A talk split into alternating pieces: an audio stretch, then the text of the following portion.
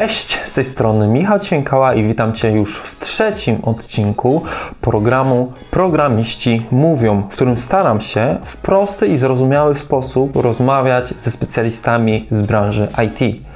Moim dzisiejszym gościem będzie Mateusz Kupilas e, i razem będziemy dzisiaj rozmawiać o drodze od programisty do foundera. Mateusz, ośmielę się powiedzieć, że jest jednym z najbardziej znanych programistów w Polsce. E, swego czasu był księciem polskiego internetu programistycznego. Napisał również taką oto książkę Junior Developer, w której zdradza, jak zostać młodszym programistą.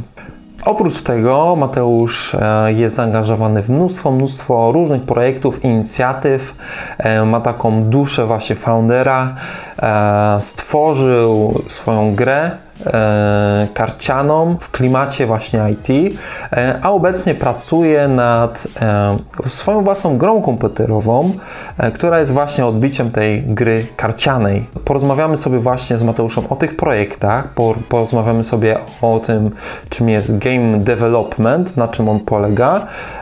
Porozmawiamy właśnie o o tym, jak tworzyć swoje projekty, żeby ostatecznie coś z tego się wykluło, jak to robić w mądry i zrozumiały sposób, e, no po prostu z głową. Powiemy też, w jaki sposób absolutnie tego nie robić. No i co? Założenie własnego startupu, stworzenie własnego produktu to marzenie niejednego programisty, a nawet nie tylko programisty, więc myślę, że w tym odcinku znajdziesz naprawdę masę, masę ciekawej wiedzy, więc nie przedłużając, zapraszam.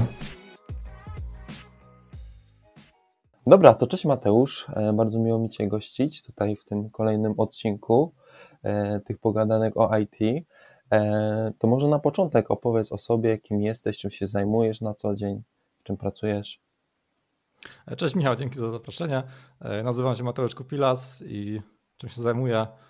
E, na aktualnym etapie powiedziałbym, że e, robię gry mhm. i staram się rozwijać, staram się zachować niezależność podczas rozwijania swoich gier mhm. na różnych etapach swojego życia. Robiłem różne rzeczy. Kiedyś byłem etatowym programistą, głównie, głównie Androida programowałem. Okay. Kiedyś miałem, kiedyś prowadziłem mikrofirmę związaną z tworzeniem i pozycjonowaniem stron internetowych. I się zastanawiam, czy w przyszłości wrócić znowu na etat programisty, okay. ale na aktualnym etapie powiedziałbym, że jestem niezależnym twórcą gier. Okej, okay, okej. Okay. A teraz obecnie się czujesz jako programista, czy już tak nie do końca, czy bardziej jako przedsiębiorca? Nie wiem. E, programuję swoją grę w Unity w C Sharpie. Mhm. Powiedziałbym, że z kodem 30 do, tak? tak, tak 30 do 50% mojej pracy to jest programowanie. Aha, aha, czyli to się zmieniło. Okej, okay, a, a to może opowiedz, co to za projekt, jakby, czym, czym to się zajmujesz, co, co to za gra? Aktualnie rozwijam e, elektroniczną wersję e, single player mojej fizycznej gry karcianej mhm. IT Startup. E, gra całkiem dobrze wypaliła mhm. na początku w Polsce, później w 2020 mhm. międzynarodowo na Kickstarterze. Jest to powiedzmy taki, taki mój flagowy projekt, mhm. flagowy rentowny projekt, który finansuje dużo, dużo moich działań. Mhm i pojawiły się głosy osób, które, które kupiły grę ze względu na tematykę, ale w sumie mhm. E, w sumie nie mają za bardzo z kim grać często mhm. i chcieliby właśnie jakąś wersję single player, e, cyfrową wersję. I tak stwierdziłem, że są, są na przykład takie gry single player, roguelike, e, mhm. jak na przykład jest Slade Spire, to jest taka typowa karcianka dla jednej osoby, mhm. gdzie w trakcie, w trakcie gry budujemy własną talię i gramy przeciwko komputerowi. To jest bardzo ciekawe, właśnie z takimi mechanikami typu roguelike mhm. i pomyślałem, że coś takiego mogę osadzić w uniwersum IT Startup mhm. i nad tym sporo dłubię. Czyli, czyli niby to jest karcianka, ale tak naprawdę w takiej wersji elektronicznej, nie? Tak, tak, tak. tak właśnie bardzo właśnie jak ktoś się interesuje mhm. elektronicznymi karciankami, to na pewno kojarzy Slade Aspire i, mhm. to właśnie to taka moja główna inspiracja. Okej, okay. a powiedz mi tak na co dzień, e, jak nie wiem, wrócisz do, do, do pracy w poniedziałek, to co jest twoim na co dzień takim największym wyzwaniem, z czym walczysz, z czym się najbardziej zmagasz? Nawet sobie notatkę do tego pytania zrobiłem, teraz zapomniałem. Coś, coś fajnego wymyśliłem, ale teraz właśnie na szybko no. Co to było? No nie wiem, czy się najbardziej zajmuje. Dobra, już, już sobie, no. właśnie to, że sobie notatki zrobiłem, okay. bo często się zastanawiam nad pytaniami i no. później w trakcie rozmowy okay. mam po prostu pustkę w głowie okay. i już, już trafiłem tych notatek. Największe wyzwanie to jest e, kontekst switching, czyli mm, jeżeli jeżeli chcę jakoś pracować nad swoim autorskim projektem i na nim mhm. zarabiać, to nie mogę się zajmować tylko programowaniem w piwnicy, bo ktoś musi ten projekt, projekt jednak kupić i okay. na to wydać pieniądze. I muszę po prostu skakać, zmieniać ten kontekst, że mam jeden, jedno moje zadanie to jest jako programista rozwijać mm. grę, mm. drugie zadanie to jest taki game, game designer, który projektuje tą grę poza programowaniem. Scenariusze, tak? Jeżeli jakąś historię, nie wiem. Znaczy, no tak, to jest i scenariusze, i balans tej gry, i mechaniki, to jest powiedzmy trochę niezależne od programowania. Mm -hmm. Przez to często programiści, którzy biorą się za robienie gier, to później im wychodzi, że ta gra jest jednak nudna, bo nudna, oni programują no, mechaniki, robią feature za featurem, a nie interesują się tak naprawdę tematyką game designu, mhm. która jest taka szeroka, że to jest po prostu masakra. Mhm. I, I sporo mojej pracy to jest rola, właśnie oprócz, oprócz roli programisty, game designera, to mamy rolę właśnie e, no, tego przedsiębiorcy, mhm. E, tego, tego marketera, który to sprzedaje. E, musi biznes prowadzić, tam podatki odprowadzać i tak dalej. Czyli powiedziałbym właśnie, że no 50 na 50 bym to podzielił, że 50% mojej roli to jest marketing, sprzedaż, a drugie 50% to jest faktycznie rozwijanie projektu, programowanie go i game design. Kurczę, ale to, to jak ty to tak wszystko godzi ze sobą, bo to jest, ale wiesz, samo bycie programistą to jest tak duże wyzwanie po prostu, e, że no wielu ludzi po prostu odpada przy samym tym, nie? A ty nie dość, że musisz być programistą, to jeszcze marketerem, jeszcze tam ogarniać warto, wszystkie budżety. Że, że, jest coś takiego w tym kontekst switchingu, że no nie zawsze się tego trzymam, ale no. to jest jedna taka dobra taktyka, by sobie zrobić takie tematyczne dni, mm. że jeżeli mamy tam jakiś tydzień, mamy pięć dni roboczych, mm. że zakładam sobie, ok, że poniedziałek, wtorek załatwiam sprawy marketingowe, mm. a mhm. na przykład środa, czwartek, piątek jestem programistą. Że. Bardzo, nie, to jest taki idealny case, ale nie trzymam się tego zawsze. I generalnie jeżeli zmieniam ten kontekst w ciągu dnia, czyli mm. zaczynam od rzeczy marketingowych, potem skaczę do programowania, tak, wracam tam skakanie do... od tematu do tematu, no. Tak, taki kontekst switching bardzo jest, bardzo niszczy produktywność, że jednak najlepiej wychodzi, gdy sobie tak zaznaczam, ok, że decyduję, że dzisiaj jestem tylko programistą, nie zajmuję się na przykład marketingiem, nie? że taki zaplanowanie, jaką rolę odgrywam dzisiaj cały dzień, to jest, to jest bardzo przydatne. A nie kończy się na ty, to na tym, że potem sobota, niedziela pracujesz po 12 godzin. Znaczy nie, ja, ja nawet, ja lubię pracować w sumie w sobotę. E, bo wtedy tak naprawdę żadne e-maile nie przychodzą, nic tak nie mhm. rozprasza, że lubię sobie podubać czasami w weekend, a za to w ciągu tygodnia sobie zrobić mm. więcej luzu, że tak nie staram się trzymać, że mm. weekend, że to w ogóle święte, nic nie robię. Okay. Bo lubię po prostu pracować weekend i zamiast tego po prostu w tygodniu sobie zrobić trochę wolnego. Mm -hmm. Okay. A możesz opowiedzieć o takich swoich największych sukcesach do, tych por, do tej pory? Um, albo takich rzeczach, które nie do końca wyszły, bardziej o takich doświadczeniach? Mm, to takie największe sukcesy uznałbym, e, że udało mi się pracować właśnie w bardzo ciekawej firmie kiedyś. Mhm. Właśnie 2000, od 2013 do 2016 mhm. udało mi się pracować w startupie, e, który początkowo rozwijał aplikację MyTaxi, która teraz jest przebrandowana na, na FreeNow. Mhm. To jest taka dosyć znana aplikacja, praktycznie każdy, kto, kto widzi taksówki, to widzi teraz logo FreeNow i właśnie przez to, że, że udało się pracować przy tej aplikacji, to jest, to jest taki mój sukces. Uważam, że miałem, miałem dużo szczęścia, że do tej firmy trafiłem, ale strasznie jestem z tego dumny, że mhm. właśnie przyłożyłem trochę jakąś cegiełkę do, do tej aplikacji. Mhm. E, dodatkowo, bo powiedziałbym książka Junior Developer, którą tak w sumie mhm. też przypadkiem wydałem. No właśnie, no mega w ogóle. No, prowadząc po prostu kanał YouTube, miałem masę pytań od ludzi, którzy chcieli, chcieli zacząć jako programista. Mhm. No i zbierałem te pytania do takiego dokumentu. I taka masowa odpowiedź na te pytania to się zrobiła z tego w sumie książka. Mhm. I książka i dobrze się sprzedała, i powiedzmy takich, takich trochę mniej legalnych źródeł też jest bardzo często pobierana. I tak, widziałem, widziałem po prostu, bo, nie, bo kupiłem właśnie tą książkę i tam było na wstępie tam że jeżeli tam pobrałeś tą książkę skądś... Tak, tak, taki był pomysł, że to, ta książka miała być tak naprawdę takim patronajtem e, mojego, mojej, moje, mojego YouTube'a, bo mhm. kiedyś nawet właśnie ja prowadziłem sobie tego YouTube'a mhm. i ktoś kiedyś założył coś takiego, coś w rodzaju fejkowego patronajta na moje imię, co? to później, później to usunęli, że ktoś po prostu w moim imieniu zbierał jakieś dotacje. Na co? No, że po prostu tu ja jestem Java Dev i, i zbiera, bo ja nie miałem żadnego patronata, nic takiego i no. ktoś po prostu założył, że on jest mną i po prostu potrzebował się pode mnie i zbierał kasę i no, ściągnęli to później, ale to stwierdziłem, że jeżeli coś takiego się dzieje, no. no to może ja faktycznie powinienem zacząć zbierać tę kasę, skoro, skoro ludzie chcą wpłacać. No. Takim pomysłem był właśnie ten e-book, nie? że mhm.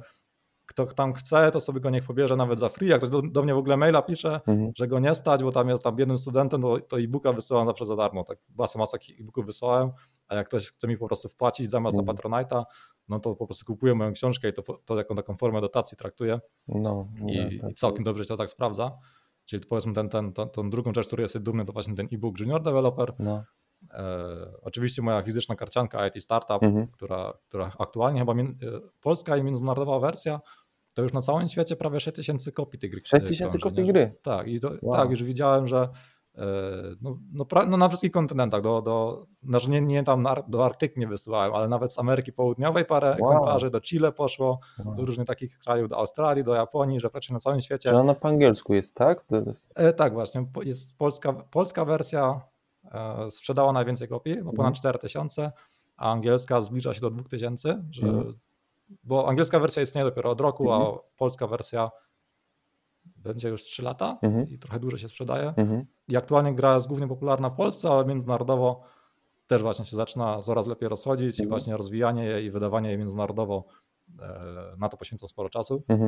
Czyli ten trzeci projekt to moja e, fizyczna karcianka, no i powiedziałbym, że to jest takie moje top 3. Jedna fajna praca etatowa, okay. gdzie fajna aplikacja powstała okay. i dwa takie moje prywatne projekty. No dobra, a jeżeli chodzi o to IT startup, zarówno grę, jak i, i no, tą fizyczną, jak i, i tą, e, tą komputerową, e, mhm. to jakby co takiego jest w tej fabule, że ona jest tak się przyjęła i, i że ludzie tak bardzo chcą w nią grać?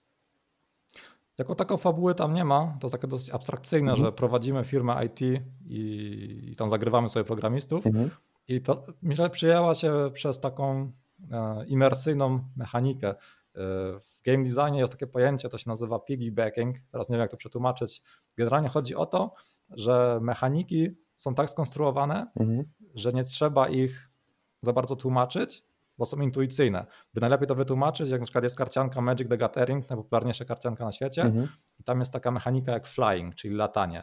I to jest bardzo intuicyjne, ponieważ kreatury, które nie potrafią latać, one nie, nie mogą blokować latających kreatur, bo one nad nimi przelatują. Mhm. Czyli to jest taka mechanika, ona się sama z siebie tłumaczy, bo latanie, ok, ktoś musi latać, żeby umieć zablokować latającego. Mhm. I w IT Startup właśnie są takie mechaniki e, z życia wzięte, mhm. czyli jest programista, on programuje i ma jakąś tam wydajność, że mhm. jest programista, który ma więcej doświadczenia, mniej doświadczenia okay. i nim jest bardziej doświadczony, tym jest wydajniejszy i jeżeli on się uczy nowej technologii, na przykład programista nauczy się teraz obsługi continuous integration, mhm. czy tam programowania defensywnego, to jego wydajność wzrasta. Czyli taka intuicyjna mechanika, ma więcej wiedzy, jest wydajniejszy. Mhm. Druga taka intuicyjna mechanika, że programiści e, opuszczają naszą firmę w tej grze przez wypalenie zawodowe. Mhm. Czyli coś, co widzimy u programistów, że się wypalają no tak. z jakiejś firmy, nudzą się, no i opuszczają tą firmę, idą gdzieś indziej albo zajmują się na przykład czymś innym i wracają do programowania dopiero za jakiś czas. Mhm. I, I, właśnie w tej grze mamy coś takiego, że co turę każdy pracownik w firmie otrzymuje jedną kosteczkę wypalenia i całe, cały ten core gry polega tak naprawdę na tym, na zarządzaniu tym wypaleniem, czyli mm. musimy ich tam wysyłać na urlop, dawać im kawę, żeby to wypalenie się, e, żeby to wypalenie się zniosło i, i to jest taki wyścig tak naprawdę. Każdy ma swoją firmę, no. e, dbamy o samopoczucie naszych pracowników, by byli wydajni i niewypaleni i kto zdobędzie ileś tam punktów najszybciej, mhm. czyli to zdobywanie punktów to jest jakby takie budowanie projektu, mhm. ten wygrywa i kolejna taka mechanika, która dobrze marketingowo działa, zawsze w przekazie marketingowym to fajnie, fajnie, fajnie to ludzie na to reagują, że jak mamy w różnych firmach programistów i te firmy podkradają pracowników, że tutaj mhm. dział HR, jakaś pani na LinkedInie nam pisze, hej, chodź do nas pracować zamiast tam, mhm. zapłacimy ci więcej. Mhm. I tak samo w tej grze można e, podkradać sobie pracowników, że możemy zagrać dział HR albo jakąś tam inną kartę akcji mhm. i możemy komuś ukraść programistę. Mhm. I, czyli to takie bardzo imersyjne mechaniki, że mhm. to, to, to, po prostu tłumaczenie, nie trzeba tego za bardzo tłumaczyć, bo te mechaniki to takie z życia wzięte. Czyli że bardzo szybko wypala. jest ten próg wejścia, tak? Czy tam bardzo tak, tak. Jak, jak właśnie byłem parę razy na różnych takich eventach planszówkowych, mhm to tak naprawdę 5 minut i każdy grę łapie, nie? że to jest bardzo proste w tłumaczeniu. Okej, okay, okej. Okay. E, a kto gra w tą grę? Czy to są ludzie, e, którzy, nie wiem, chcą założyć startup, albo to są programiści, czy to są ludzie, którzy pracują na co dzień w korpo? Kto to jest? E, to są generalnie entuzjaści gier karcianych Aha. i jeżeli oni dodatkowo mają coś wspólnego z IT, to lepiej łapią klimat. Aha. Właśnie mam taką opinię, że gra jest mechanicznie fajna, mhm. podoba się ludziom nawet spoza IT, o ale jeżeli ktoś jest z IT, to jest taki bonus, bo wtedy mhm. E, te ukryte żarty w grze są, są bardziej widoczne mhm. i wtedy gra jest dla nich ciekawsza, bo po prostu to z życia wzięte. Mhm. Czyli generalnie dla każdego entuzjasty gier karcianych jest to coś dla niego, mhm. a jeżeli dodatkowo jest IT, to jest to taki mega bonus. Mhm. Okej, okay. nieźle. E, no dobra, no to, to takie kolejne pytanie mam do Ciebie, to w takim razie, skoro jakby już byłeś w fajnym startupie, tak, już wspominałeś, że, że robiłeś fajny projekt, e, mhm. to było tam w Niemczech, tak?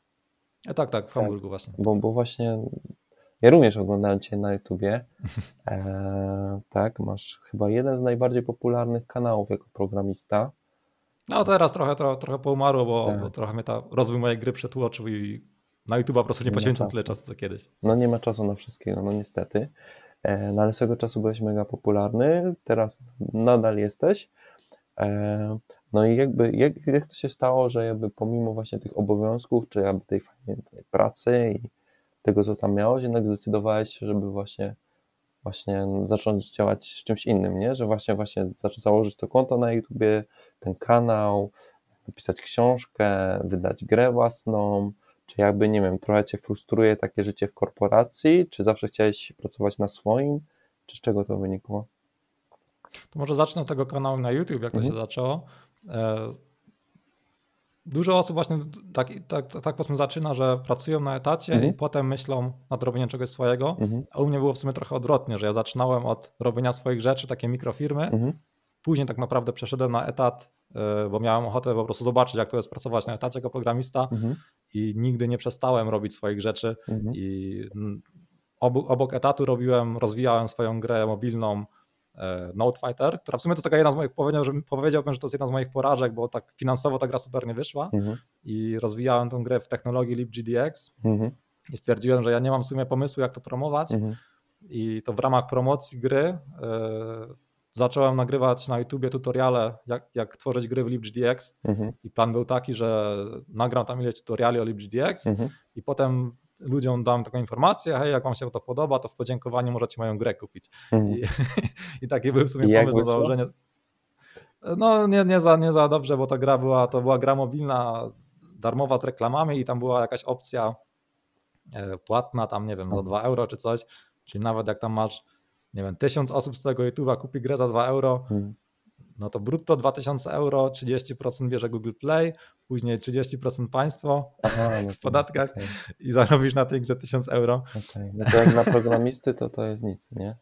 No właśnie chodziło o to, że to nie był rentowny projekt, ale ten projekt mi tak naprawdę pomógł rozwinąć YouTube'a, czyli hmm. bezpośrednio ten projekt nie był rentowny, hmm. ale jakoś tam pośrednio rozwinął mojego YouTube'a i właśnie w trakcie nagrywania tych tutoriali tam w komentarzach zaczęły się pojawiać pytania, gdzie ja tak naprawdę pracuję mhm. i wtedy zacząłem odpisywać, no że w takim niemieckim startupie robimy taką aplikację mhm. E, do taksówek mhm. I, I, się okazało, że ludzi bardzo, dużo bardziej interesuje to, ten temat niż ten mój tutorial LibGDX do mojej gry. Mhm. I tak zacząłem w różnych filmikach na YouTubie odpowiadać na te pytania, które się pojawiały pod tutorialami. I programista. Tak, tak. I, tak, się, tak, się, tak się narodziła seria programista na migracji, bo zacząłem okay. po prostu opowiadać o tej mojej pracy w startupie. Mhm.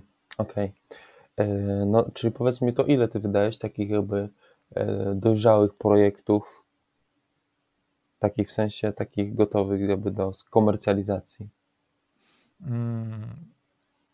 Bo teraz. Zależy w jakim okresie, bo na przykład. Wcześniej była jakaś gra, tak? Tak, tak. Właśnie Note Fighter to był ja to zacząłem rozwijać w 2014, mhm. to zacząłem wtedy ten kanał na YouTube rozwijać. Mhm.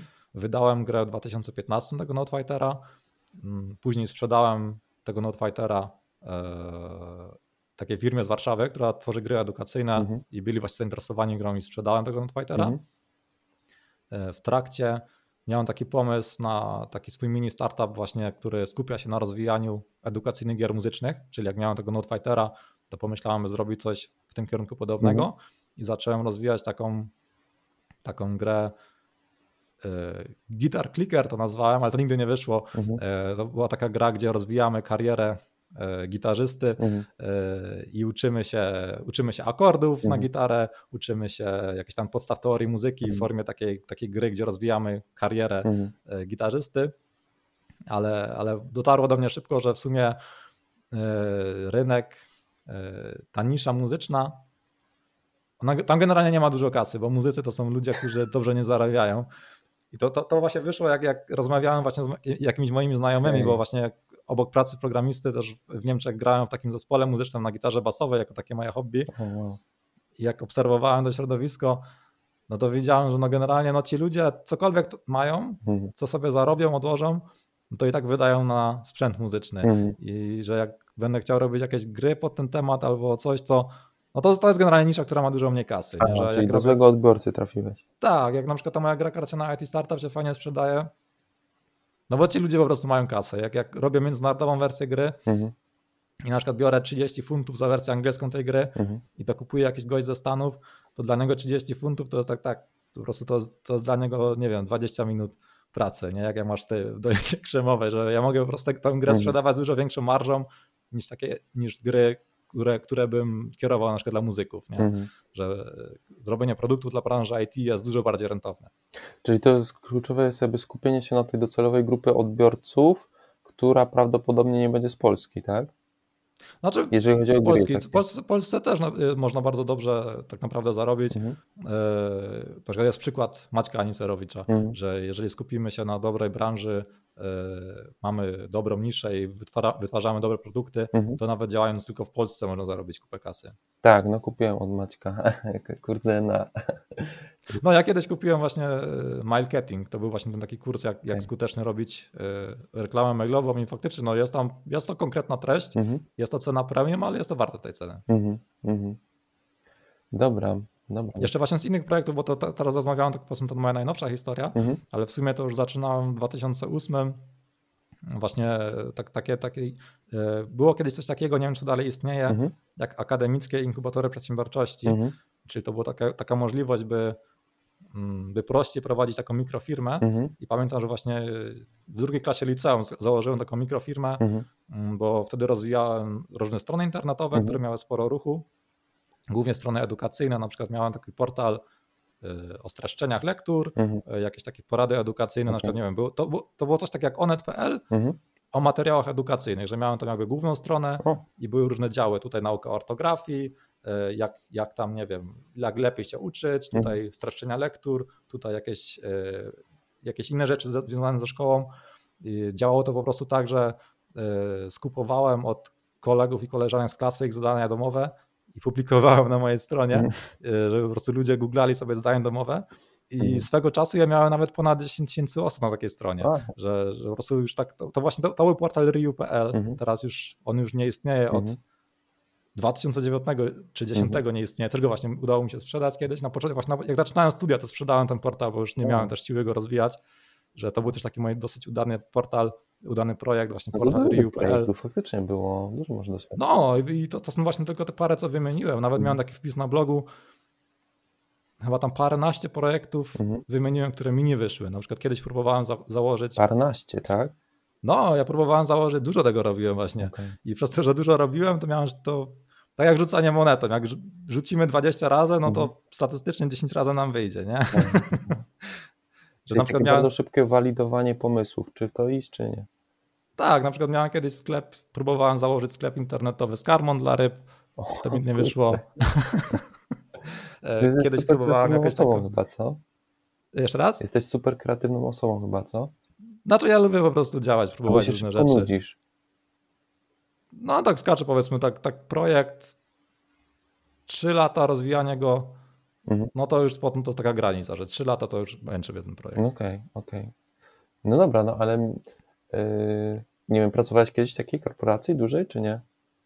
E, pracowałem w Software House, mhm. yy, dwa lata w Polsce tak pracowałem i na przykład to był taki typowy software house, gdzie wypożyczali ludzi mhm. do różnych projektów i tam na przykład miałem okazję E, pracować w ASECO, to jest po prostu taka duża korporacja, no. że byłem tam wypożyczony takiego jakiegoś projektu BI-owego mhm. I powiem szczerze, no, że nie podobała mi się taka praca, że no, robiłem tam swoje mhm.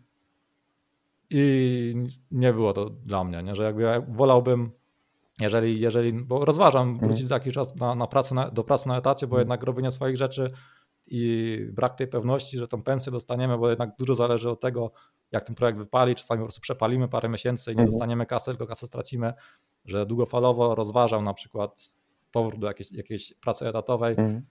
Bo na przykład mam w planach założenie rodziny i mhm. robienie tak partyzancko swoich rzeczy, mhm. no nie jest do końca jakoś super odpowiedzialne. dlatego, dlatego Zależy, jak z tego wyciągasz, nie? Tak, no po prostu ja mam taki właśnie, czasami mam jednorazowy duży boost, gdy coś wyjdzie, tak, potem, potem, tak. potem taki długi ogon jakoś kapie. Tak, tak. Ale nie jest to jakoś tam super stabilne, nie? że mhm. rozważam, właśnie przez to nie chcę nazywać też siebie przedsiębiorcą, mm. bo ja, ja, tak naprawdę nie, tak myślałem kiedyś dużo nad tym, czy ja chcę tak naprawdę budować przedsiębiorstwo, gdzie budować firmę, gdzie jest tam ileś ludzi, którzy tam nie pracują, mm i doszedłem do wniosku, że to nie jest coś, co chcę robić. Ja tak powiedzmy jestem takim samozatrudnionym, mm. który się tam pomaga sobie e, freelancerami, by coś tam, coś tam mi pomagali, mm.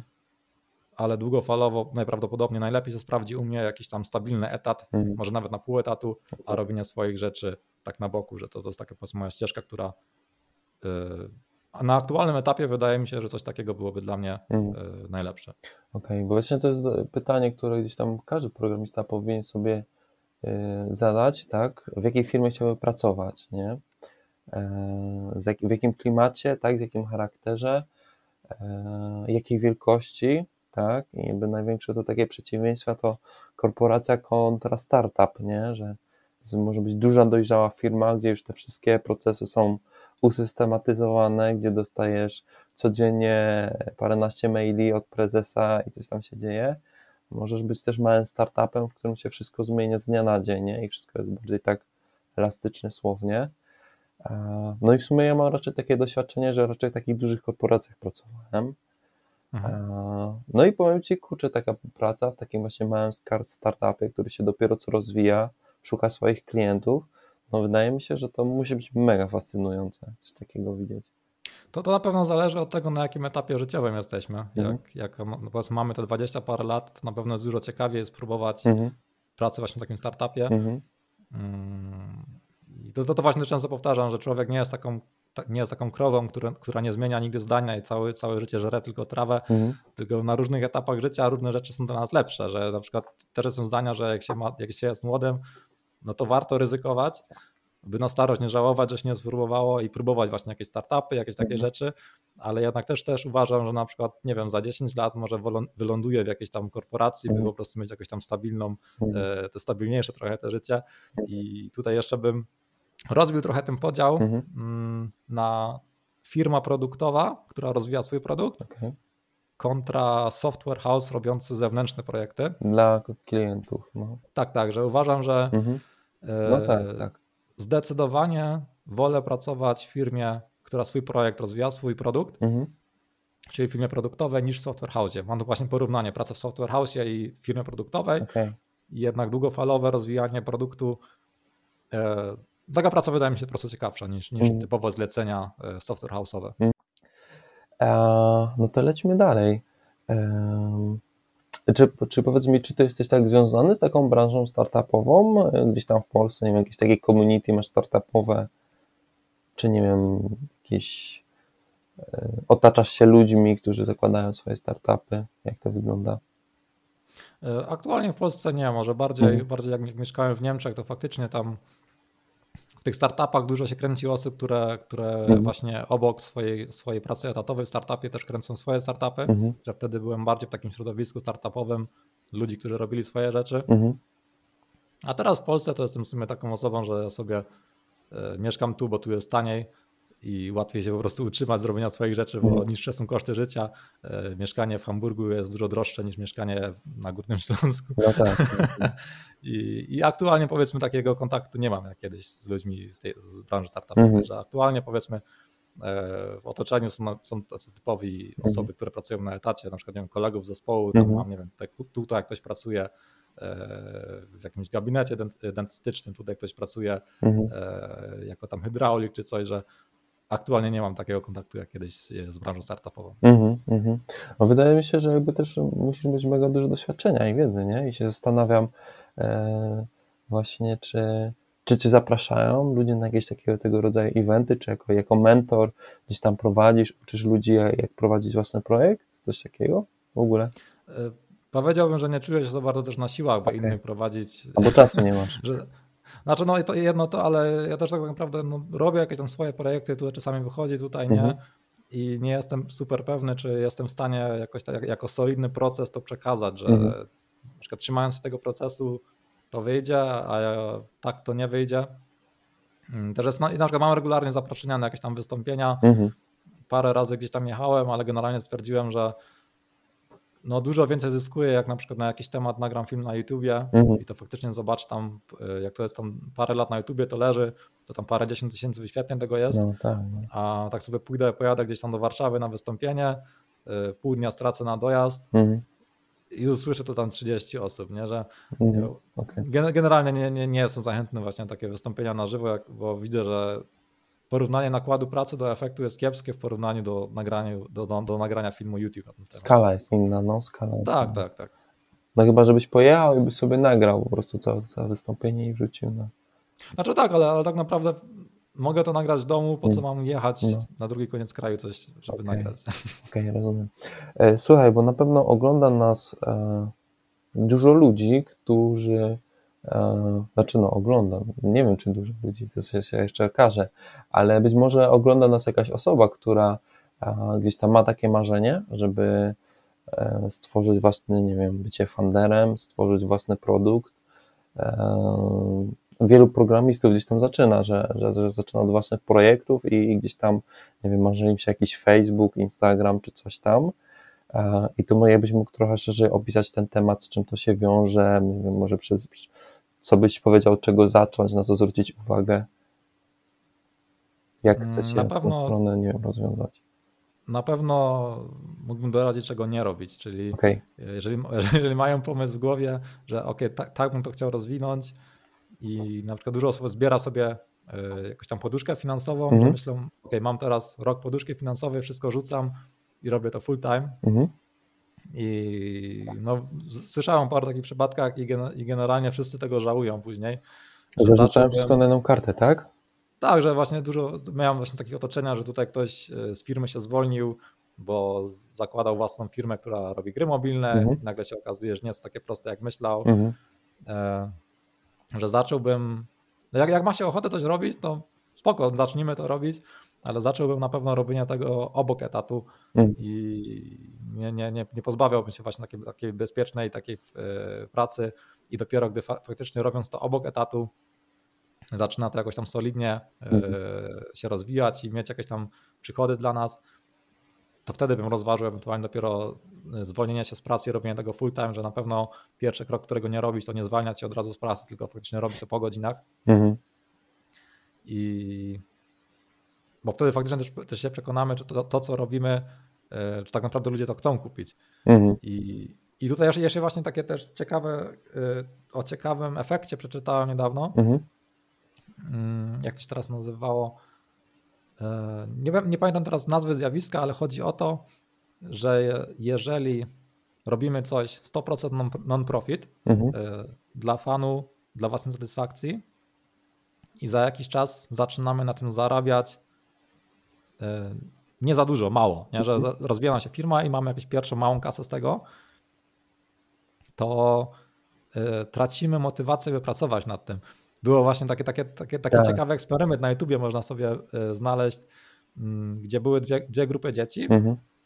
i te dzieci miały sobie rysować. I te, je, jednej grupie dzieci płacono tam jakieś grosze za każdy obrazek, mhm. który, który narysowali, a druga miała sobie rysować tam pro bono dla fanu i się okazało, że te, te dzieci, które miały płacone za te obrazki, to ich, jak zaczę, odkąd zaczęli im na to płacić, to te obrazki były coraz gorszej jakości, tak? żeby tylko je dostarczyć, dostać kasę i, i to po prostu zabijało ich motywację. I tak często właśnie podobne zjawisko obserwuję u osób, które zaczynają monetyzować swoje projekty, mhm. że jak, jak, rozwijały to po prostu 100% z zewnętrznej motywacji, nic na tym nie zarabiały, to, to, to, to szło bardzo dobrze do przodu.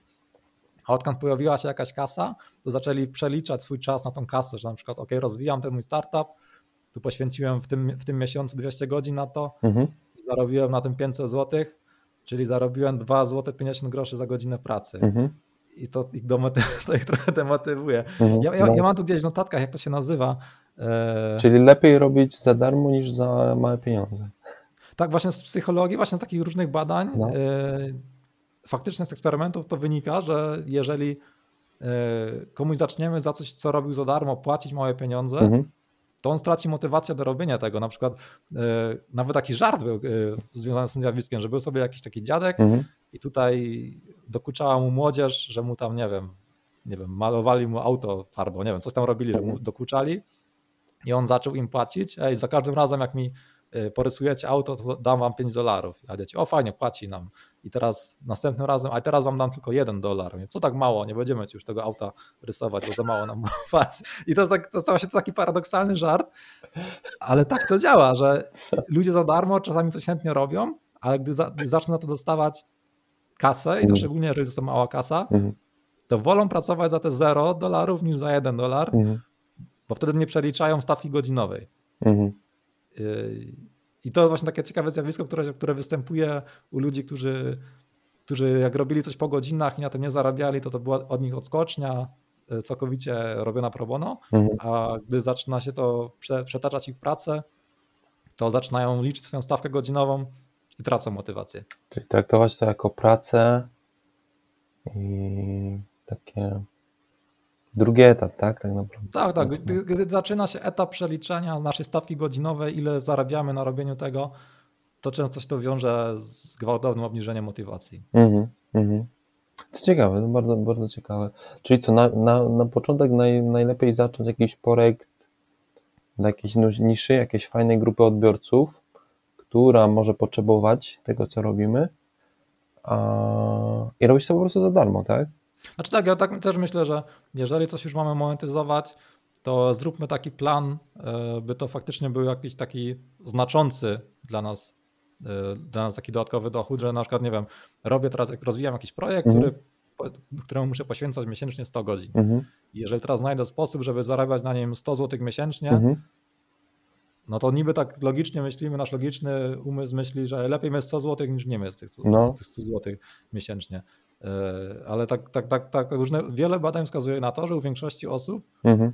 kiepska zapłata działa dużo gorzej niż brak zapłaty. Mhm. Że lepiej po prostu wymyślić sposób, jak to może faktycznie nam zarobić teraz tyle, że jest to dla nas konkretna kwota, że na przykład przynajmniej część już z tego opłacimy. Mhm. E, a gdy, gdy jest to po prostu mała kasa, to lepiej sobie to darować i robić to dalej za darmo. To jest taka, taka powiedzmy rada, którą bym sobie dał na samym początku, że no mhm. nie warto monetyzować rzeczy w kiepski sposób, bo i tak, bo nie jest, niby jest to jakaś kasa, ale tak nam się wydaje, że lepsza mała kasa niż żadna, mhm. ale w praktyce mała kasa działa tylko dla nas demotywująco i lepiej robić to dalej za darmo. Mhm, mhm. Okej, okay, czyli jak robić to dobrze. Nie wiem, me, mega ciekawe, nie? Bo to jest jakby taka inna perspektywa biznesowa, jakby gdzieś tam na, na, na co dzień się zajmuję gdzieś tam programowaniem i większość takich ludzi pewnie też i nikt nie myśli właśnie z takiej perspektywy biznesowej, marketingu, tak, i tak dalej, nie? Właśnie, wydaje... że ci przerwę, no? właśnie wygooglałem, jak się ten efekt nazywa. Okay. To jest over justification effect. Okay. To można sobie googlnąć. Właśnie są badania na ten temat właśnie, e, jak, jak właśnie kiepska płaca, bo generalnie jakaś pierwsza, pierwsza płaca za, za coś, co kiedyś robiliśmy za darmo, mm -hmm. wpływa bardzo destrukcyjnie na motywację. To jest właśnie bardzo, bardzo, bardzo ciekawa rzecz. Mm -hmm. No, na pewno, no. e, no właśnie. E, I chyba to jest, musi być mega ciężkie, nie? Że, że właśnie całe życie zajmowałeś się jako programista, a teraz musisz się już zacząć zajmować innymi rzeczami, nie? I z takiej twojej perspektywy, jakby, jakie umiejętności są najważniejsze oprócz bycia programistą i pisania kodu? Hmm. Jak się tworzy właśnie taki swój własny projekt? Najważniejsza umiejętność oprócz programowania to jest umiejętność sprzedaży, czyli umiejętność weryfikacji, czy to, co nad czym chcemy pracować, jest w ogóle warte tego. Mhm. Kiedyś mi nawet właśnie miałem taką, taką ciekawą historyjkę, mam jak e, miałem pierwsze szkolenie ze Scrumu, właśnie w tym startupie, w którym pracowałem. Mhm. Wszyscy nowi pracownicy mieli szkolenie e, Scrumowo-agile'owe. Mhm. Pamiętam, że Scrum Masterowi zadałem pytanie, co mam zrobić, żeby e, w tym samym czasie więcej zrobić, by być po prostu wydajniejszy. Mhm. I właśnie otrzymałem taką odpowiedź, że to jest taka utopia, bo nie jesteśmy maszynami, którą można tam podrasować, żeby teraz dużo więcej robiła, mhm. że mamy powiedzmy jakiś tam swój sufit i wyżej nie podskoczymy, mhm. że najwięcej możemy zyskać na tym, by się skupiać nad tym, nad, nad czym pracujemy, e, że najwięcej czasu zaoszczędzimy, nie robiąc rzeczy, które są mało wartościowe albo które są nieprzydatne. Okay. Że, że, że, taka umiejętność analizy, nad czym powinienem pracować, mhm. jest, jest mega ważna. Kurczę, ale to musi być ciężkie, nie? Żeby wiedzieć, kiedy swoje własne dziecko, swój własny projekt zaorać, tak? Kiedy spisać na straty, a kiedy jeszcze, jeszcze widzieć ten potencjał i gdzieś tam jeszcze coś zmienić, nie? Tak, tak tego, tego się nie można, tego nie można wyczytać z książek, trzeba po prostu robić. Czuję takiego myśl chyba, nie? Znaczy, no trzeba, trzeba parę projektów ubić, mhm. masę błędów popełnić, by się tego nauczyć. Mhm. Tam można w książkach jakieś tam rady sobie poczytać, jakieś szkolenia pooglądać, ale tak naprawdę póki sami nie przekonamy się, jak to jest włożyć 6, 6 miesięcy pracy w coś i widzieć, że to jest warte 0 zł. O kurde. Musimy, musimy coś takiego po prostu przeboleć, żeby, żeby, żeby tej lekcji się nauczyć. No to musi tak, tak, tak jest moje doświadczenie. Nieźle, nieźle. 6 miesięcy pracy i nagle. Znaczy miałem takie projekty, że tu mhm. poświęcałem, widocznie widziałem, że tu paręset godzin poszło, mhm. a nie zarobiłem na tym nic. Kurczę, nieźle. E, dobra, a może wróćmy trochę teraz do, tego game devu. Powiedz mi, e, no bo wcześniej tworzyłeś takie aplikacje biznesowe bardziej, tak? E, teraz bardziej robisz gry komputerowe, czy obecnie robisz grę. I czym się różni takie zwykłe programowanie biznesowe od takiego game devu typowego? Największa różnica jest taka, że w programowaniu biznesowym miałem tak, no to, to, na czym pracowałem, no to było zdefiniowane w jakimś backlogu w user mhm. story, czyli tam był ten, tam był jakiś produkt owner, y, który, który decydował o tym, nad czym pracować, mhm. co jest istotne, jaka tam jest. On się, on się zajmował kontaktem z klientem, by te potrzeby klienta wybadać. Mhm. I jak ja teraz robię sam tę grę, to jakby tą rolę tego, tego produkt ownera muszę przejąć, żeby najpierw decydować, nad czym pracuję, i dopiero gdy zdecyduję, że to jest sensowne, to faktycznie nad tym mhm. pracować. Czyli powiedzmy tam, tam do, do, do, dochodzą później takie role, o których nie mieliśmy wcześniej pojęcia. E, I, a samo programowanie gier kontra, kontra programowanie biznesowe, mhm. to powiedziałbym, że no jest dużo trudniej zachować jakikolwiek porządek w kodzie, okay. bo w programowaniu biznesowym jest, jest, nie wiem, jakieś tam, są jakieś takie serwisy, mhm. często są to web serwisy, jakieś tam ekrany na telefonie, czy tam ekrany e, na stronie internetowej i jakaś taka struktura jest tak naturalnie wychodzi taka struktura, a jak się robi grę, jakieś takie systemy, które tak naprawdę no powiedzmy aplikacje mobilne wyglądają podobnie. Jak, jedną zrobiliśmy, to widzimy jak się je robi mhm. i łatwiej zaplanować nam jaka tam architektura ma być, mhm. a gier jest tyle rodzajów, mhm. że no w trakcie dopiero się uczymy jak to powinno wyglądać i często na przykład implementuję jakieś pomysły i dopiero gdy to skończę i to działa, to teraz wiem, ok, teraz musiałbym to zacząć od nowa, żeby to miało solidną architekturę, miało mhm. lepszy kod. I teraz jest pytanie, czy chcę poświęcić kolejny tydzień na refaktor tego na lepszą architekturę, mhm. czy może warto uznać, że to jest wystarczająco dobre i brnąć dalej, że powiedziałbym, że to są takie trochę inne wyzwania i też takie trade-offy. Mhm. E, czy poświęcamy teraz x czasu, żeby to było łatwiejsze w utrzymaniu, czy uznajemy, że, że jak ten czas poświęcimy na, na, na refactoring, mhm to może skończą nam się oszczędności i nigdy tej gry nie wydamy, bo będziemy musieli wrócić na etat.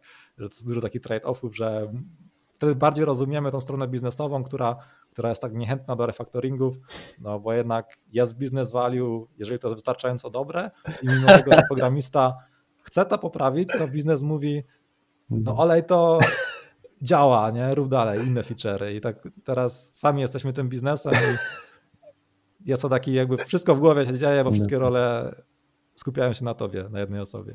No tak, to jest chyba ta największa różnica, nie? Że, tak, że jak tak. robisz dla kogoś, no to mówisz tutaj jakość, to ten refaktor, zróbmy refaktor, zróbmy wszystko ładniej, mm. czyściej, no. Ale tak, tak, ale on za to płaci. Technologię. A jak robisz dla siebie, to potem, a trudno, muszę być. No, dokładnie. Tak samo właśnie, ja widziałem kiedyś taki wykład właśnie, e, to, to właśnie jeden, jeden z tych wykładowców, co właśnie ten kurs DNA nagrywali, o którym mhm. mówiłeś od, od Maćka, on to porównywał do projektu domu, że jako programista mhm. chcemy sprzedać tutaj jakąś fajną architekturę, jakiś taki fancy shit, bo mamy ochotę to zrobić. I to jest tak jak projekty domu, że ktoś chce dom mhm. i mówi, ja chcę prosty projekt domu, taki prosty, jaki od szczotki to ma być, a tutaj ten budowniczy mówi, ale ja bym, ja bym proponował taki projekt dużo ciekawszy, ale pięć razy droższy. I tak samo właśnie jest z architekturą tak. no, oprogramowania, że czasami te, te, rozwiązania proste jak i od szczotki, trochę mniej eleganckie, mhm. no też spełniają swoją rolę i są w cholerę tańsze niż te bardziej takie rozbudowane rzeczy. Czyli dopiero na swoim można tak naprawdę zrozumieć, że ten refaktor to. Tak, musimy się po prostu przejść w butach tej, te, tego, tego biznesu, by to zrozumieć. Mhm. No dobra, bo, ja, bo ja, ja tak mi się tak sobie wyobrażam architekturę e, oprogramowania gier, że chyba każdy typ gry musi mieć inny, inną architekturę, tak? Że inną architekturę będzie mieć gra karciana, inną architekturę będzie mieć jakaś gra taka, nie wiem, strategiczna, inną architekturę będzie mieć gra z typu z pierwszej osoby, nie? In, inną architekturę. Znaczy, tak, tak, tak. No, na, na pewno są to, są to rzeczy, które mo można sobie zapożyczyć. Mhm.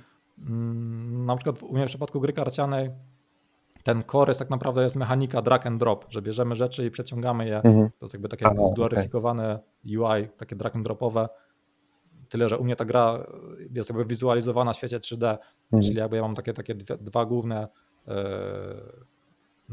dwie główne budowy u mnie. Jedna mhm. to jest taka logika typowo, drag and dropowa, gdzie, gdzie jest to ułożone, a druga jest taka logika, która to ładnie renderuje, mhm. by było to estetycznie ciekawsze dla gracza. No tak, no bo tam właśnie są konkretne mechaniki, to w mhm. ogóle bo to jest inna, inna branża, inna działka, nie? Konkretne mechanika, z których składa się gra, tak? Tak to wygląda.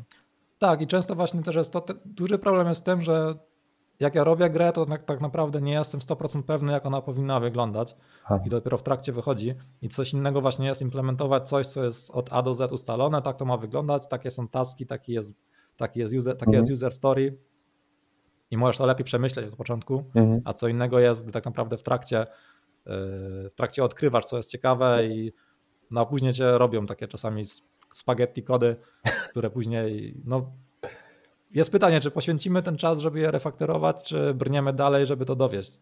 No tak, no bo chcesz coś sprawdzić, czy jest ciekawe, czy nie, no to nie będziesz robić wszystkiego porządnie, zmieniać fundamentów i tak dalej, jak chcesz tylko coś sprawdzić, nie? tak, tak, bo szczególnie właśnie jak robimy jakiś prototyp czy coś i chcemy to po prostu wrzucić na rynek, jak najszybciej zweryfikować. Nawet jest taka taka mantra w game devie, fail quickly, że rób mhm. rzeczy, i szybko je weryfikuj, że jak coś jest do wyrzucenia, to przynajmniej, przynajmniej zmarnowałeś mniej czasu na to. Mhm. że lepiej po prostu wyrzucić kod spaghetti, mhm. niż solidnie jakby po solidnym refaktorze, który zajął dodatkowe dwa tygodnie. Te mhm. dodatkowe dwa tygodnie mogłeś poświęcić na coś innego.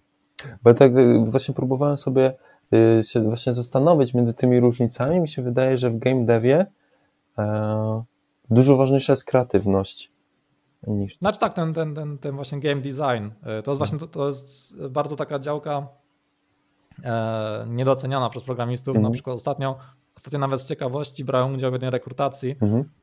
Jest taki właśnie facet, którego, który strasznie go podziwiam. Mhm. Nawet na YouTubie ostatnio poleciłem jego wykład. Okay. To jest autor gry, gry niezależnej Rimworld. O. E, to jest on tam parę milionów kopii tej gry sprzedał, a to tak naprawdę on tą grę sam robił. Wow. I te, teraz tam ma paru pracowników. Wow. I widziałem na Twitterze, że on wrzucił tweeta, że szuka pracowników i szuka kogoś na stanowisko game designera. Wow. To stwierdziłem, a wyślę CV, pogadam się z moim idolem, może się uda. Mhm. I faktycznie wysłałem w niedzielę CV i w poniedziałek rano mam zaproszenie, hej, kiedy możemy się zgadać na rozmowę. Wow. I miałem z gościem Zapraszam w niedzielę, wysłałem CV i we wtorek miałem rozmowę mhm. z jakimś gość z Kanady, e, mega spoko gościu, mhm. ale podczas tej rozmowy dopiero do mnie, do mnie dotarło, jak ja mało wiem o game designie, że no, po prostu gości był, miał, widać, było widać, że on mnie traktuje z szacunkiem, mhm. ale ta rozmowa nie poszła za dobrze, że jak była po prostu rozmowa na stanowisko game designera, mhm. myślałem, że ja potrafię robić gry, mhm. ale dopiero podczas rozmowy z takim profesjonalnym game designerem to zdałem sobie sprawę, jaki to jest głęboki temat, jak ja, jak ja tam naprawdę mało wiem. Mhm. I jeżeli ktoś chce robić gry, to niech sobie zakupmy sobie jakieś pierwsze książki o game designie mhm. albo jakieś takie kursy w tym kierunku. Nie zakładajmy, że o, intuicyjnie wiem, czym jest dobra gra, to ja dobrą grę zrobię. Mhm. Sam game design to jest niezwykle głęboki temat i na pewno warto go, warto się nim zainteresować, zanim zaczniemy y, robić grę. No bo to też różnica, czy, czy, czy jakby ty jesteś właścicielem tej gry i ty sobie robisz po swojemu, tak? Mhm. Czy, czy jesteś pracownikiem w jakiejś firmie, e, która wydaje gry, nie?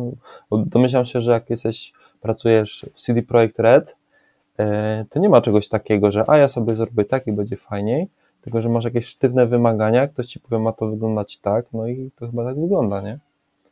Ja tak zapytam, słychać mego kota, bo on tu miałczy obok i drapie. Nie, nie słyszę. Nie, nie słyszę, to może mikrofon nie zbierał. W razie czego tutaj jakby ktoś słyszał kota albo drapanie, to okay. obok mnie po prostu okay. kot chodzi. Okay, dobra.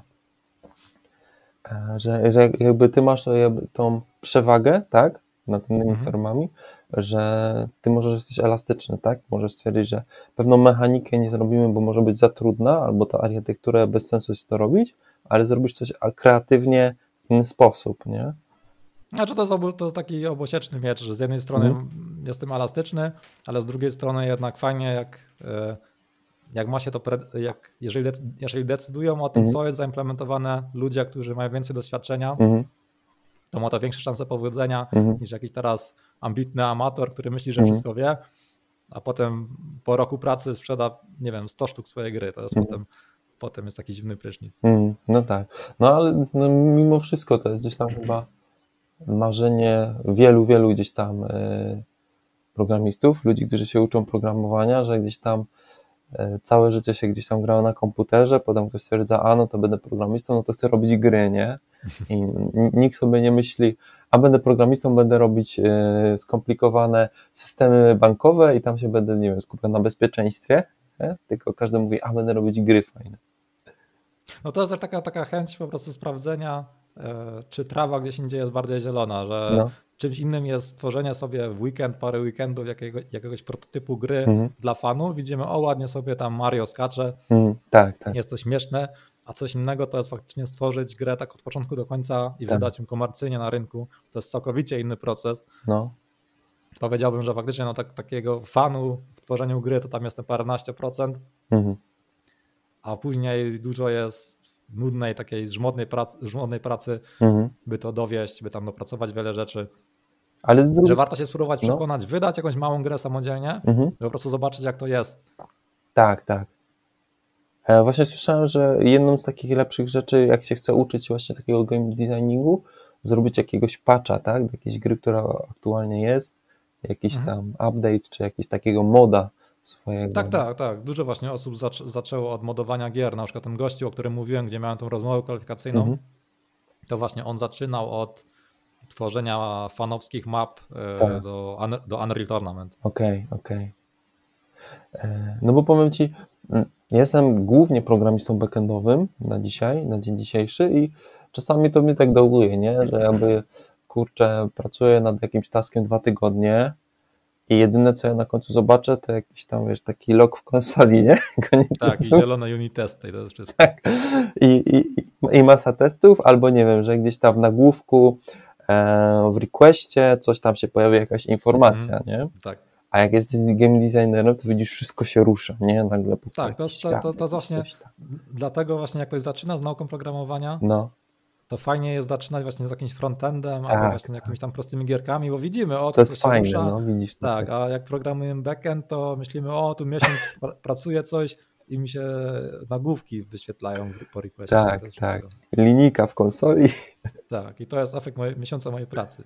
Że to no. mogłem ręcznie wpisać i też by się wyświetliło. Dobra, dobra, powoli e, zbliżamy się do końca. E, to może skupmy się teraz może troszkę bardziej o na ludziach, którzy dopiero zaczynają wam, tak, tak jak w sumie trochę zaczęliśmy o tym mówić, e, no bo chyba masz mega dużo doświadczenia, jeżeli chodzi o pracę z młodszymi programistami, co? Znaczy powiedziałbym, że mam doświadczenie w odpisywaniu na pytania, bo dużo okay. osób mi właśnie swego czasu, gdy, gdy mój YouTube był tam popularniejszy, mm -hmm. to miałem praktycznie prawie codziennie albo miałem maila, albo pytanie na Facebooku, że tu od czego zacząć, czy mm -hmm. jestem za stary, tutaj coś, jaki projekt robić na początek, mhm. że myślę, no mam doświadczenie w odpowiadaniu na takie pytania. I ten, i, i jakie są najby najczęstsze pytania, jeżeli chodzi o, nie wiem, jak ktoś się chce uczyć chce programowania?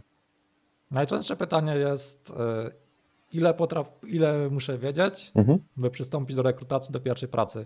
Aha. I, I tak naprawdę wokół tego kręciła się ta moja książka Junior Developer. No tak, no tak, no bo tak, tak. E, e, no właśnie ja też ją kupiłem, bo byłem ciekawy właśnie e, na czym ona polega, w jaki sposób. No teraz jest może już trochę przestarzała, bo ona z 2016 tak, roku, że tam tak. już trochę jest. E, I no trochę to tak jest, że jakby dosyć duży jest ten punkt wejścia, nie? I trzeba dużo rzeczy wiedzieć, jak chce się, chce się zacząć.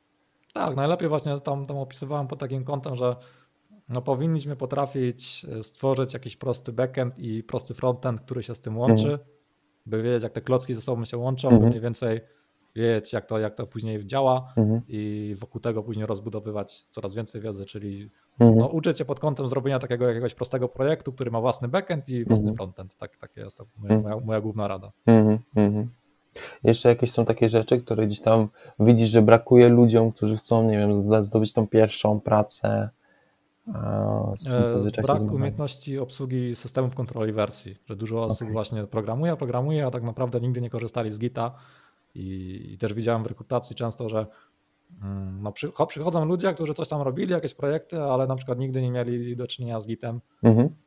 I, I, to jest właśnie duży minus, że oni nie potrafią obsługiwać żadnego systemu kontroli wersji, mhm. a jeżeli go potrafią obsługiwać, mają z nim doświadczenie, to duży plus. Czyli na pewno no, robić jakiś tam projekt i w trakcie robienia tego projektu tam już jakoś yy, już się z jakimś systemem kontroli wersji oswoić. Nawet nie trzeba z konsoli korzystać. Jak na przykład mhm. ja na przykład też ja konsolowo nie korzystam z Gita, mhm. ewentualnie czasami od święta, jak tam jest coś trudnego do, do bardzo customowego do zrobienia, okay. tylko korzystam z wizualnego narzędzia SourceTree mhm. i tak naprawdę sobie tym radzę. W pracy to wykorzystywałem, właśnie cała firma, e, jak właśnie pracowałem w Hamburgu, wszyscy korzystali z SourceTree, mhm. ja też z tego korzystałem. Takie, to takie narzędzie wizualne i do 99% rzeczy, które potrzebujemy w Gicie, super to działa. Tak, tak. Od czasu do czasu można tam konsolą coś bardziej zaawansowanego spróbować zrobić, ale do, tak, do takiej codziennej pracy jest bardzo wygodne to narzędzie, że mhm. obsługa kontroli wersji nawet nie, nie trzeba konsolowo. A nie masz trochę wrażenia, że e, ludzie, którzy się e, zaczynają uczyć e, właśnie za dużo srok za ogon, próbują złapać jednocześnie, zamiast no, skupić się na jednej Możliwe, że, że, że faktycznie, że skaczą za bardzo z technologii. O, tu kot przyszedł. Okej. Okay. Przepraszam. Zrzucę go tylko no, skaczą faktycznie z, e, z technologii na technologię, nie wiedzą mhm. o takiego języka programowania zacząć i tak naprawdę nie, y, uczą się powiedzmy parę miesięcy tego programowania, mhm.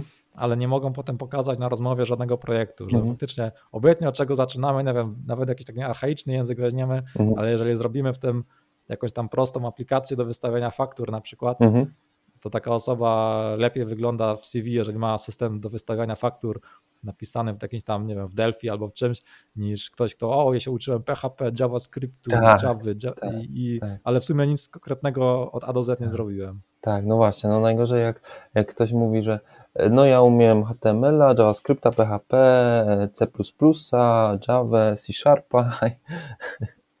A kot chodzi ze mną. On skoczył ci na ten, na plecy? Nie. Znaczy on na, na, na krześle jest. Okej. Okay. e, więc, no, bo mi się, mi się wydaje, e, z tego jak ja obserwuję ludzi, którzy dopiero zaczynają, że właśnie brakuje tego, e, tego zrozumienia, nie? tego narzędzia, który, który masz I, i często jakby uczą się konkurencyjnych rozwiązań, a jak będą szukać pracy, to i tak się skupią na tylko jednym. Tak, że no, dużo jest wiedzy związanej z programowaniem bardzo uniwersalnej, mhm. że według mnie jest kompletnie nieistotne, w jakim języku zaczynamy, mhm. bo jeżeli potrafimy generalnie programować, rozwiązywać problemy, to kwestia przerzucenia się na inny język to jest tam, mhm. nie wiem, zależnie, no jak, jak, za, jak mocno chcemy w to wejść, to to jest no, parę tygodni do paru miesięcy. Na przykład jak chciałem w Unity robić gry mhm. w C-Sharpie mhm. i jak programowałem wcześniej w Javie, no to to ja, ja nadal, ja, ja, sobie tą grę piszę w sumie tak jakbym pisał w Javie, że tam nawet nie przystosowałem się za bardzo do tych, do tych, do tych e, dobrych praktyk C-sharpowych, mhm. Tylko piszę w C-sharpie jak w Javie i w sumie mi to wszystko działa. Zdaję sobie sprawę, że na przykład gdybym szukał pracy jako Unity developer, mhm. że musiałbym y, wiele takich dobrych praktyk się y, podszkolić w nich na mhm. pewno, ale, ale póki, póki ja jestem jedyną osobą w tym projekcie, to ja mogę w sumie konwencje Javowe w C-Sharpie mhm. wykorzystywać.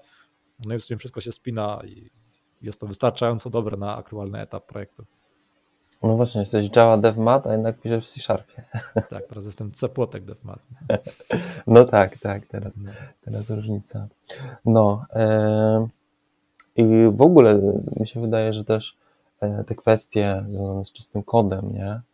E, zrozumieniem właśnie, na czym, w jaki sposób dobry kod pisać, nie? w jaki sposób e, żeby ten kod był jakiś rozwijalny, tak? Bo, bo mhm. większość z tych aplikacji, co, co, co ja oglądam, jak, jak to się uczy, to no po prostu no ta architektura tego rozwiązania jest tragiczna, nie? I z tym się nic nie da zrobić po prostu. A za, właśnie w game devie to specyficzne, jak, jak mówiliśmy, że tam jest ta kreatywność ważniejsza. Mhm. E, jest na przykład taki sławny przykład, jest taka gra Terraria. Mhm. To jest jakby coś w rodzaju Minecrafta, mhm. tylko że w 2D. I można sobie zobaczyć e, zdekompilowany kod Terrarii. O. Jak się pisze po prostu w Google Terraria source code, no i tam jest po prostu GitHub tego mhm. i to jest po prostu to jest tragedia, e, jak, się, jak się zobaczy. To jest naprawdę, ale autentycznie tragedia. Tam są, ta, ta gra składa się tam z paru klas, no. gdzie jest ogrom infologii no. i tam są klasy po parnaście tysięcy linijek. Co ty? I tam są czasami nawet takie e, czasami metody były takie długie, mhm. że kompilator się zawieszał podczas odpalania tego mhm i jest to rozwiązane tak, że jakaś, że część kodu z danej metody została przeklejona do, do metody more code, że po prostu leci tutaj par, paręnaście tysięcy linijek. O matko. Teraz, później jest nowa metoda, gdzie jest więcej linijek, żeby się kompilator nie zawiesił. O matko. I to jest po prostu, no, kod jest, ja nie wiem jak to jest rozwijane, ale no. widać, że gościu no ma, ma jakieś tam samo zaparcie, grę wydał no. i jest to sławna gra niezależna i ma kupę kasy z tego. Kurczę, Czyli co, y, grę się gra dobrze, tak? Nie ma tam normalnie z nich Tak, można sobie sprawdzić. Gra Terraria, bardzo, bardzo, mhm. bardzo popularna gra niezależna, bardzo mhm. dużo na pewno gościowi zarobiła mhm. i można sobie zobaczyć zdekompilowany kod źródłowy. Mhm. Wiadomo, że to jest zdekompilowany, czyli tam jakieś tam e, te tam enumy, jakieś takie rzeczy mhm. są w postaci jakichś tam, jakichś tam ID-ków, że jest to dużo mniej czytelne niż właściwy kod, mhm. ale można sobie taki generalny obraz na podstawie tego tam sobie zobaczyć, że no, że jest masakra z tym kodem źródłowym Terrarii. No, to ciekawe, to ciekawe to, co mówisz, no bo faktycznie, kurczę, e, w ogóle to jest inne podejście, nie? Znaczy, koniec końców ważne, że działa gra, tak? Tak, że... dla użytkownika końcowego, dla gracza, no je, je, przy założeniu, że nie ma tam za dużo bugów, nie? Że założeniu, że to, że działa i nie, jest, jest powiedzmy tych bugów, jest to poniżej jakiejś tam mhm. granicy bólu, to to nie ma aż takiego znaczenia. Jedyny problem jest taki, że później taką grę trudniej rozwijać, no trudniej tak. ją portować na inne platformy. Tak, no, nową wersję trzeba robić od nowa. No. Znaczy tak, no, może, może tak, może ta, ta mhm. osoba, która to pisała, ona ma jakieś tam rozeznanie w tym, mhm. ale jeżeli mielibyśmy do projektu wdrożyć innego dewelopera, to no to można powiedzieć, że byłoby to niemożliwe. Nieźle. No to ciekawe, to ciekawe podejście. Dobra, będziemy kończyć. E, Mateusz, e, czy chciałbyś na koniec coś dodać? Może jakieś e, zazwyczaj się rady, że czy mógłbyś się podzielić według Ciebie właśnie jakieś najlepsze rady, które gdzieś tam pozwoliły Ci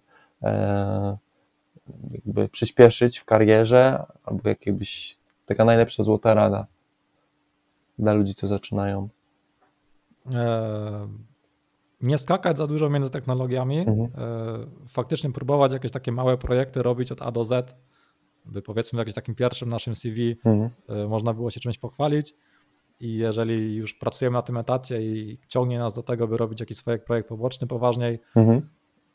no to nie, nie, nie zwalniać się od razu z tej pracy i tak na hura e, iść na ten projekt główny, tylko faktycznie próbować na początku rozwijać coś mhm. po godzinach, i dopiero gdy, widzi, dopiero gdy widzimy jakiś taki bardzo solidny potencjał na zarobek z tego, mhm. to ewentualnie wtedy próbować e, jakby tak na, na pełen etat robić swoje rzeczy, mhm. a jednak tak nie, nie, nie, nie rezygnować lekkomyślnie z pracy etatowej. Okej, okay. no to super. Dobra, no to dzięki bardzo za rozmowę. Myślę, że była bardzo fajna, bardzo ciekawa. No, dzięki za zaproszenie, fajnie było. No, to już niestety koniec. Dzięki Mateusz, było mi naprawdę niezmiernie, niezmiernie miło Ciebie gościć. Czuję się wyróżniony tym, że znalazłeś trochę czasu e, dla mnie. E, dla zainteresowanych oczywiście podlinkujemy e, te rzeczy, o których e, Mateusz wspominał. E, więc oczywiście możesz, możesz go śledzić, możesz zobaczyć, czym się e, obecnie zajmuje. A ja ze swojej strony zapraszam Cię na mojego Instagrama, Facebooka e, i YouTube'a. Jeżeli podoba Ci się ten odcinek, możesz dać łapkę w górę, możesz napisać komentarz, możesz napisać również do mnie w prywatnej wiadomości i dać mi znać, co Ci się podobało, co Ci się nie podobało, jakie masz sugestie, co o tym wszystkim myślisz. No i to wszystko. Dzięki jeszcze raz i do usłyszenia.